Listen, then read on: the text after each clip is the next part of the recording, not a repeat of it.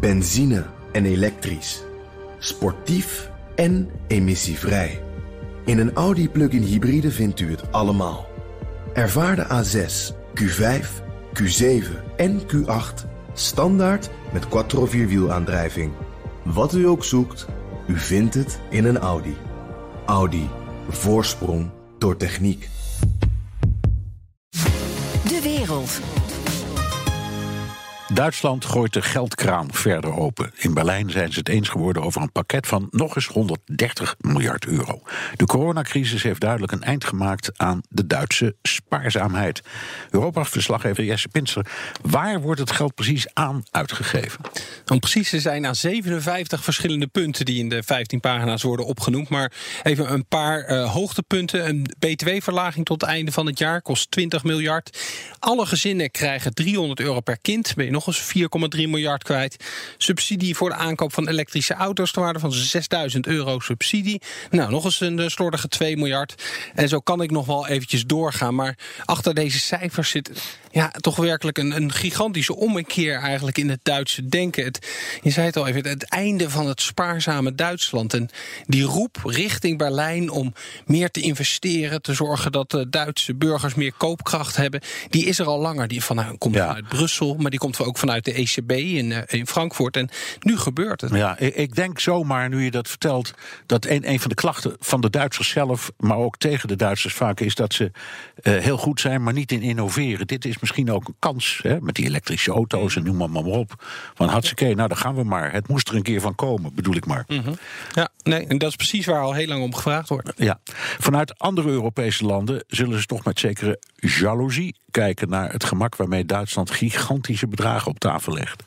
Ja, het is wel een van de belangrijkste argumenten die je ook hoort als het gaat om Duitsland en, en in mindere mate ook Nederland te overtuigen om toch ruimhartig te zijn als het om uh, corona-steunprojecten gaat. En nou ja, bondskanselier Merkel met haar plan samen met Macron lijkt daar ook toe bereid te zijn. Want als je een beetje in de cijfers duikt, en het, het vertekent een beetje, want er zitten heel veel leningen, garanties bij. Dus het is lastig om het allemaal te vergelijken. Maar je krijgt dit idee.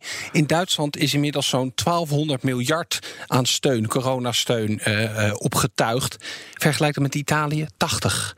Weet je, dus het gevoel in Zuid-Europa, niet alleen het gevoel is dat het rijke Duitsland zijn burgers en bedrijven veel beter door die crisis kan leiden dan zij dat kunnen. Dat er grotere ongelijkheid komt in Europa. In zekere zin zelfs een ondermijning van de interne markt. Want ja, Duitsland veel steun aan de auto-industrie. Tegelijkertijd heb je in Barcelona de verhalen over de Nissan-fabrieken die de deuren sluiten en 3000 mensen die op straat staan. Ja. Ondertussen zit ook de Europese Centrale Bank niet stil. Wat zijn de laatste berichten uit Frankfurt?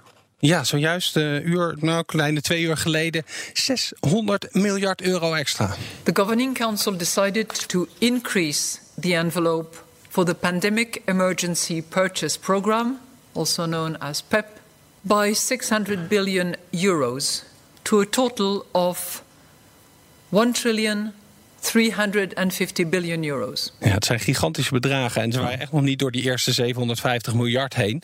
Maar nu kunnen ze door tot 2021. Kijk, er liggen natuurlijk allemaal plannen in Brussel. Macron, Merkel, daarna het voorstel van de Europese Commissie... om politiek ook echt iets te gaan doen. Maar ja, die onderhandelingen die lopen nog. En die gaan ook nog wel even duren. Dus uh, ja, die investeringen vanuit die kant... die zullen pas in 2021 te zijn.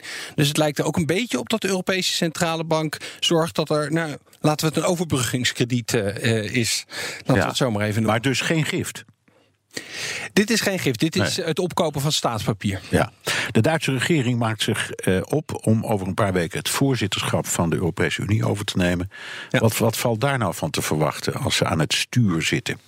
Ja, ik vind dat toch wel heel spannend. Want je ziet de nieuwe wind in Berlijn, waar we het in het begin over hadden.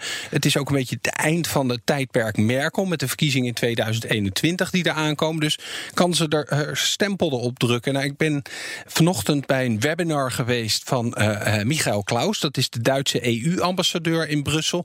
Die uitlegde van wat gaat Duitsland nou doen. Nou, bestaat uit drie fases.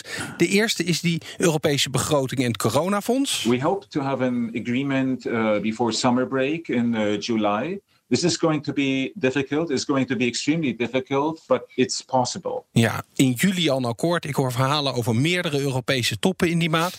Daarna gaan ze zich richten op de brexit. We dachten dat het nu cruciaal zou zijn. Deze week bijvoorbeeld met de onderhandeling die gaan zijn.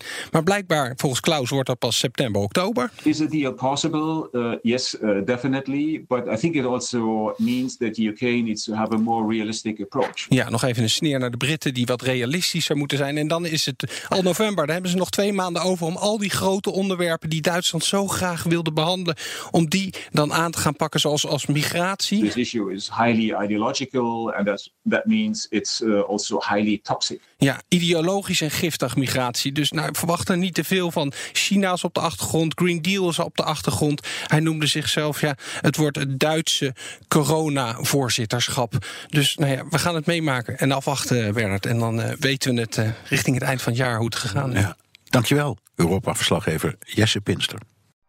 Benzine en elektrisch. Sportief en emissievrij. In een Audi plug-in hybride vindt u het allemaal. Ervaar de A6, Q5, Q7 en Q8 standaard met quattro vierwielaandrijving. Wat u ook zoekt, u vindt het in een Audi. Audi. Voorsprong door techniek.